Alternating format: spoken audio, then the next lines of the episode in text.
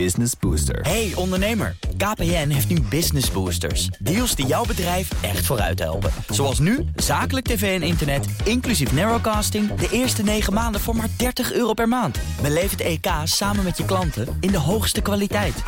Kijk op kpn.com slash businessbooster. Business Booster. De BNR Techniek Tour wordt mede mogelijk gemaakt door Techniek Nederland. De makers van morgen. BNR Nieuwsradio. De BNR Techniek Tour. Thomas Schuurman.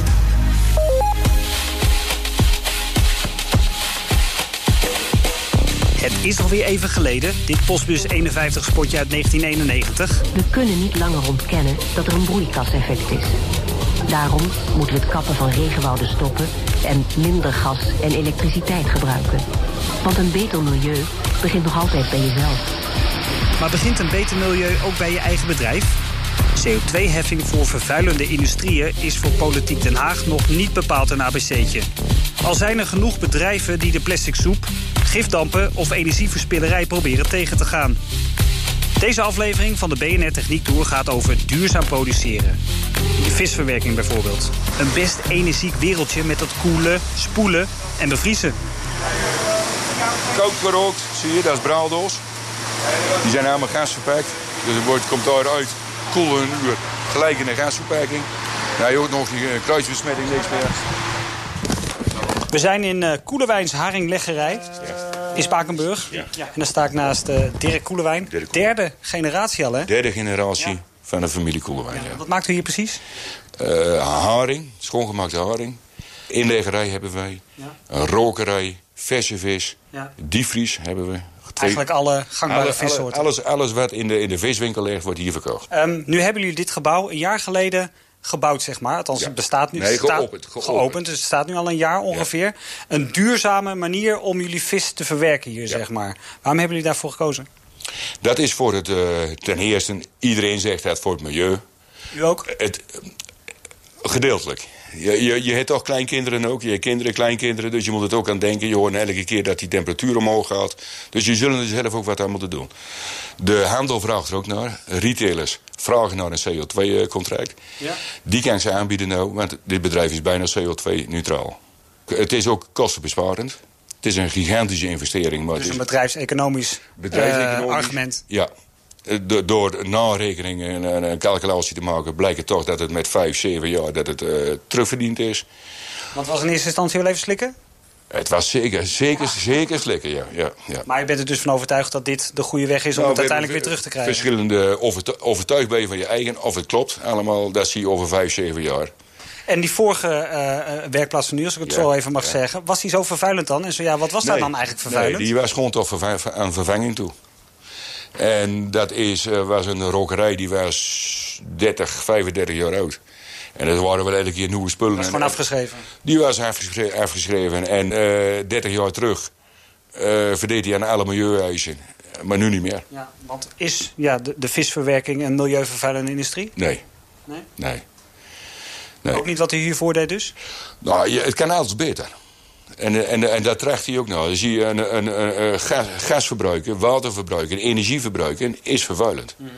En dat proberen wij in te perken. U bent een grote jongen hier in, in Spakenburg. Eh, Jullie gaan ook al een tijdje mee, meerdere generaties dus. Hoe, hoe wordt er in het vissersdorp naar u gekeken met wat u hier doet? Eh, ja, de, de ene jaloezie, de andere eh, vindt het prachtig. Ja, verschillend. Ja? Ja. Ook sceptisch? Ja. Ja. Ja. U bent een van de eerste die dit eigenlijk doet op deze manier. Ja, uw vis verwerken. Ja, maar er is altijd uh, iemand die zwarte gaar uitgevonden heeft. Dat heb ik nou natuurlijk niet uitgevonden, maar je moet toch ergens starten. Als één vis door het gat zwemt, dan volgende meer? Ja, één schap, uh, ja, een vis. Ja, ja, ja. Je moet het nog even zien. Kom maar eens mee. Nou, dat, de koeling die uh, koelt op CO2. Normaal gebruik je uit als ammoniak. CO2 is een restafval. Hebben mij gezegd, ik kom bij, bij Heineken vandaan. Ik weet het niet, maar het CO2 is normaal een restafval, is slecht voor het milieu. En wij gebruiken dat in de leidingen om het te koelen. Normaal heb je freon of je een ammoniak. En daar willen ze vanaf. En dit is het nieuwe systeem eigenlijk op CO2. Dus iedereen is tegen CO2 als het gaat om, uh, om, het milieu, maar jullie het gebruiken uit, het. uit te stoten. Wij halen het uit het milieu vandaan en stoppen het eigenlijk uh, in, in de koeling. Wat, wat, hoe werkt die CO2 dan als het gaat om de koeling? Hetzelfde als freon. Als, uh, dat, dat, is een koude middel. Je, je produceert hitte. Daar krijg je kou van. En uh, die kou die gebruiken wij. Die hitte die vangen we weer op.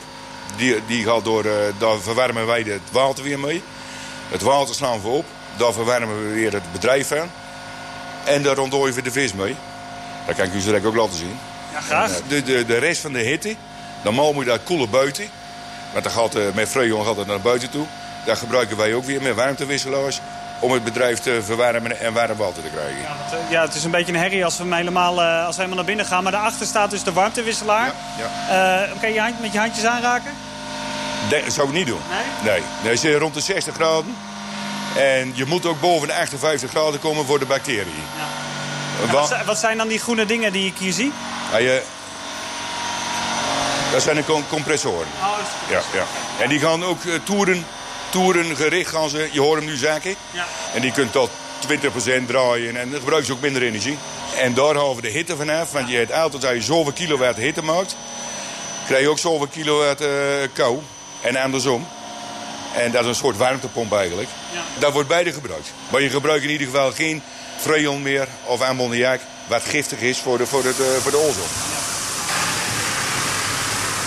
Jullie gebruiken ook jullie eigen bronwater. Ja. Hoe werkt dat? Wij pompen het uh, hier uh, ruim 100 meter diep pompen we het naar boven toe. Dan wordt, gaat het hier door vier uh, gesloten filtersystemen. Ja.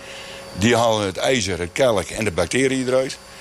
Dat heeft weer een voordeel. Als je je, je, je kalk en je ijzer eruit haalt, heb je minder vervuiling. Want vervuiling in de, in de vishandel of in de vleeshandel, in de voedingswaarden... is altoos kalk dat op de muren blijft zitten, blijven bacteriën in. Dat hebben wij niet. Het voordeel daar ook van is dat we minder zeep nodig hebben. Omdat je hebt eerst zeep nodig om kalk op te lossen. Daar zit er niet meer in, dus dat kunnen we weglaten. Jullie gebruiken heel schoon water? Heel schoon water, ja. Ja. ja, ja. Uh, hoeveel liter water gebruiken jullie? Niet zo heel veel. Want wij hebben ook uh, wasmachines. Vroeger werd alles gedaan. We werken allemaal met lage druk en hoge druk uh, reinigers. Dan laat ik het anders vragen. Dan hoeveel water besparen jullie? Nou, ik denk in procentgehalte 60% denk ik. Minder verbruik? Minder verbruik.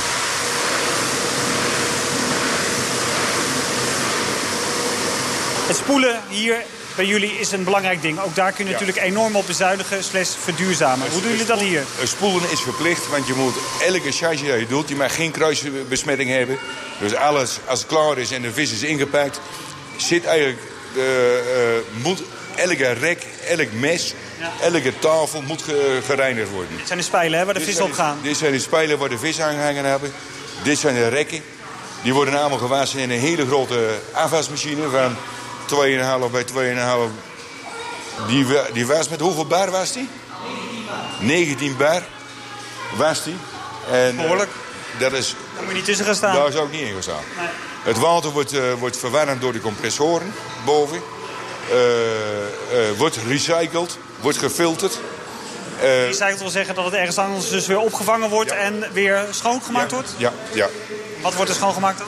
Het vet wordt eruit gehaald, alle eh, grove delen, kleine deeltjes. Dus er komt, voor het reinigen komt het goed genoeg komt het terug. Na het wassen wordt die afgespoten met 12 liter water. En dat is de verversing van de, en het verbruik van het hele, hele, hele systeem. Ja. En ja, dat is dus een stuk minder dan daarvoor. Want hoeveel verbruikt jullie daarvoor om die dingen schoon te Daarvoor krijgen? werd voor, voor één, één kar werd er ongeveer 45, 50 liter gebruikt en nu 12. Dat is, eh, dat is een behoorlijke reductie. En het water van, de, van daarvoor werd met de hand gedaan, dus er zat meer tijd in. De hoge drukreiniger werd met gas verwarmd. Dit wordt allemaal restafval. Ja, recht dat op tegen de investering van zo'n afwasmachine. Dat En, en om het eh, te recyclen. Dat moet nog blijken. Maar eh, we denken zelf eh, vijf jaar. Dank, Dirk Koelewijn van de gelijknamige Haringrokerij in Spakenburg. Eh, mijn naam is eh, Joris Brakke. Eh, ik ben ondernemer. Eh, ik heb een drietal bedrijven en wij zijn gespecialiseerd in reparatie en onderhoud van eh, elektromotoren, pompen, tandwielkasten en een stukje industriële automatisering. Zo, dat is een mond vol. Elektromotoren Brakke ziet het als zijn plicht om voor de volgende generatie het energievraagstuk op te lossen. Als reparatiebedrijf betekent dat levensduurverlenging van industriële apparatuur en ook een tweede leven geven aan producten. Die vraag krijgen we dikwijls. We hebben dikwijls te maken met het thema van joh, gaan we nou repareren of gaan we vervangen. De afgelopen jaren hebben we geleerd gewoon puur focussen op like-for-like vervangen, dus een oud component vervangen door iets nieuws wat energiezuiniger is, wil niet zeggen dat je daarmee energie gaat besparen. Integendeel, het kan zelfs nadelig werken. Dus je moet kijken naar een bredere aanpak. Je moet veel breder kijken dan uh, het ogenschijnlijk. Je moet eigenlijk gaan, uh, het complete proces uh, in ogenschouw gaan nemen. je moet gaan, gaan praten met andere vakdisciplines om te kijken van de oplossing die wij in gedachten hebben, is dat wel de beste oplossing? En verduurzamen is bij ons niet alleen de energieuitstoot, maar verduurzamen is ook kijken naar kunnen wij stilstandtijd reduceren of kunnen we het aantal hands-on het productieproces reduceren of afvalstromen reduceren door op een andere manier een oplossing te bedenken. Efficiënt zijn voor het maken van een biertje bijvoorbeeld. Een klant van ons is een motorij. Bij een ze grondstoffen voor bijvoorbeeld bier.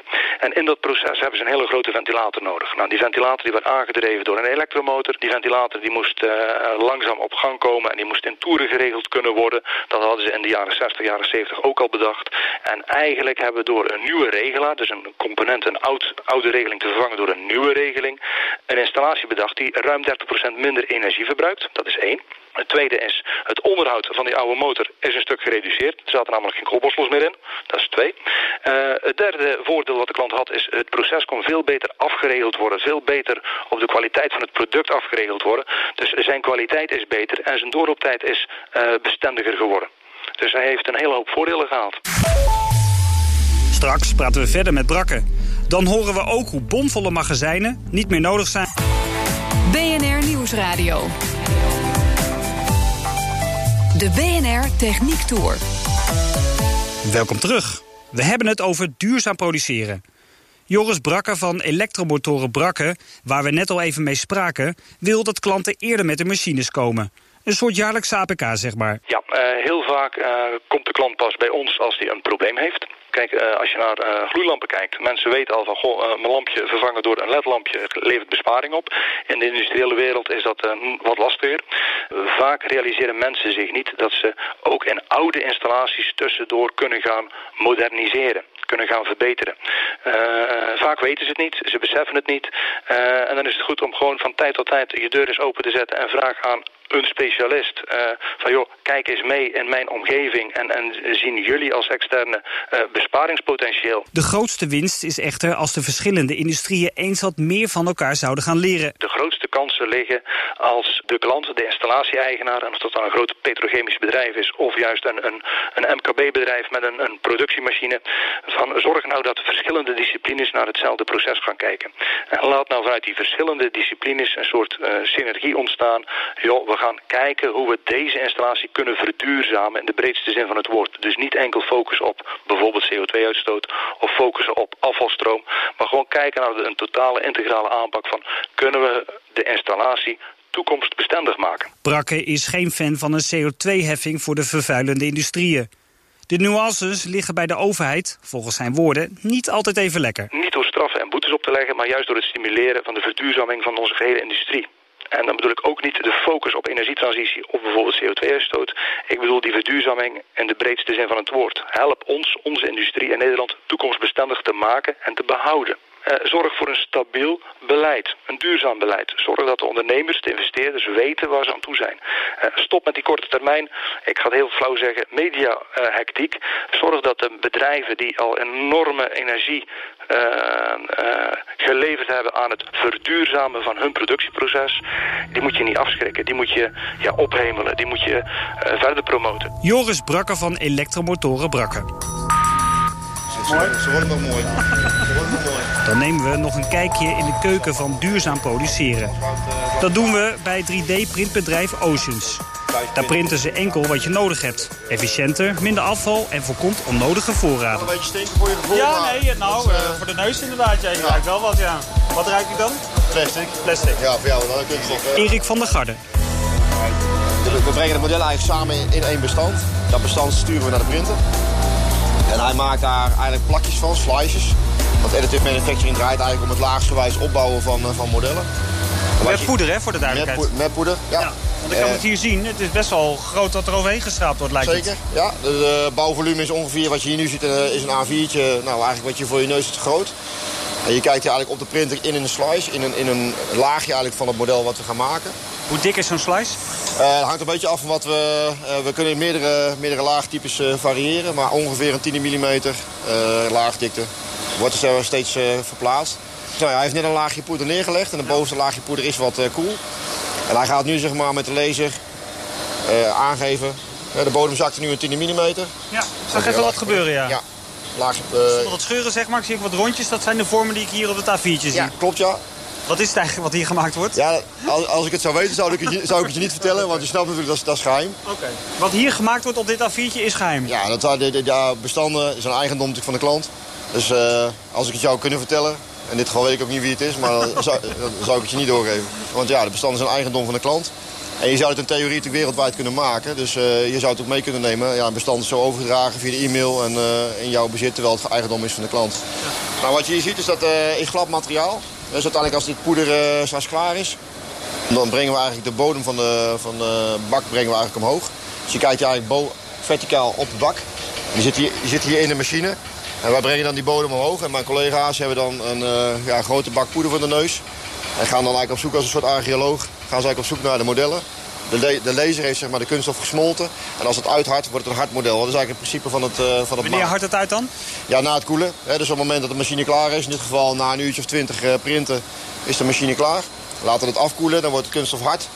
En dan gewoon, gewoon door de omgevingstemperatuur? Ja, ja, dus gewoon door het af te koelen. In principe gewoon zoals het eigenlijk ook... Uh, je, smelt, je smelt het eerst en daarna hardt het uit. En al het andere materiaal wat er omheen zit, dat halen we weg. En dat recyclen we, zodat we alleen de modellen overblijven die geprint hadden moeten worden. Nou staan hier, uh, nou wat is het? Een stuk of tien van dit soort machines, zie ik dat goed? Ja, dat klopt. En die kunnen dus elke dag allemaal verschillende materialen, vormen maken? Ja, klopt. dus als we een machine verder zouden kijken, dan zie je dus andere opdrachtgevers. Dus in één machine hebben we meerdere opdrachtgevers met meerdere modellen. Ja. En ze gaan een tientallen tot honderden modellen per dag de deur uit. Van tientallen opdrachtgevers. Uh, wat is de maximale grootte zeg maar, van wat hieruit kan rollen? Uh, de grootste machine staat in de naast je. Dat is de, deze grote jongen hier. En daar hebben we eigenlijk een bak van een uh, dikke 60 centimeter. Oh ja, die is meteen een stuk groter, ja. Halen we bijvoorbeeld een beetje... Eruit als een oven. Dat ziet eruit als een oven, dat is het eigenlijk ook stiekem wel. Want hier binnen is het uh, ruim 170 graden. Daar smelt, daar smelt dit kunststof. Uh, afhankelijk van het type kunststof smelt het wat een hogere of lagere temperaturen.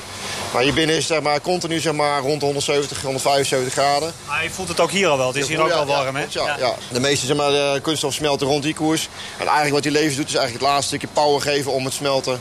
Uh, en tot die tijd, zeg maar, dat kunststof smelt net niet. En daardoor blijft het poeder. En jij kijkt hier op het computerscherm ook in, in één laag. Uh, dus deze laag heb je zojuist zien, zien printen. Zo gaat... ik zie een halve cirkel en wat rondjes en een, en een streep. Ja, zo is, meer is het voor jou ook niet. En, uh, maar in die zin, ja, dit gaat 17 uur achter elkaar in ieder geval door. En op die manier bouwt hij laagje voor laagje voor laagje voor laagje... bouwt hij zeg maar, het model op. Wat draait daar trouwens?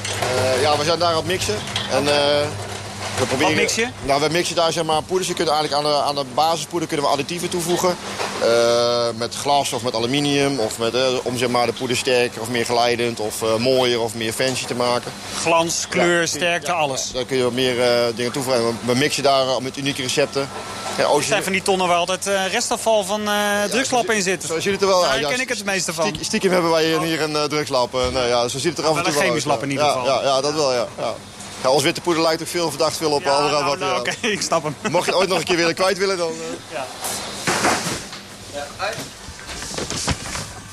En als je kijkt naar het duurzaamheidsvraagstuk... is dat denk ik uh, ja, fantastisch om deze techniek daarvoor in te zetten. Ja. En dat wil niet zeggen, en daarom moeten we ook kritisch zijn... dat elke paard, daarom zei ik al, er is een maar. Uh, je moet altijd heel kritisch blijven kijken... welke, ja, welke paard is wel geschikt en welke niet. Uh, dus we worden wel eens een keer gebeld van... Uh... Nee, het heet het over parts onderdelen. Onderdelen, sorry. Ja, sorry. Ja, nee, onder... Engels snel, dat snap ik hoor. Maar... Klopt, klopt, klopt. Nee, maar goed, als je duizend emmetjes uh, voor de komende zomervakantie langs het strand wil hebben... en het zijn duizend dezelfde emmetjes... Ja, dan, zijn, dan is spuitgieten een veel duurzamere techniek... en dan wij ooit kunnen bereiken. Maar zijn er duizend unieke emmetjes, of wil je een prototype... ja, dan zijn wij de geschikte partner als het gaat over duurzaamheid. En, maar we zullen altijd ook in de bedrijven moeten blijven werken aan het, ja, aan het vraagstuk... om het nog duurzamer te maken. Ja. Complete supply chain. Ik denk dat dit de meest duurzame techniek is uh, die er momenteel voorhanden is. Dus. Ja, een belangrijke vraag is dus weggelegd voor de industrie. Uh, daar ga ik over verder praten met Alexander Boers. U bent van Dimanex. Ja. Wat doen jullie? Wij bieden een service aan onze klanten. en die houdt in dat wij voorraden voor onze klanten kunnen minimaliseren.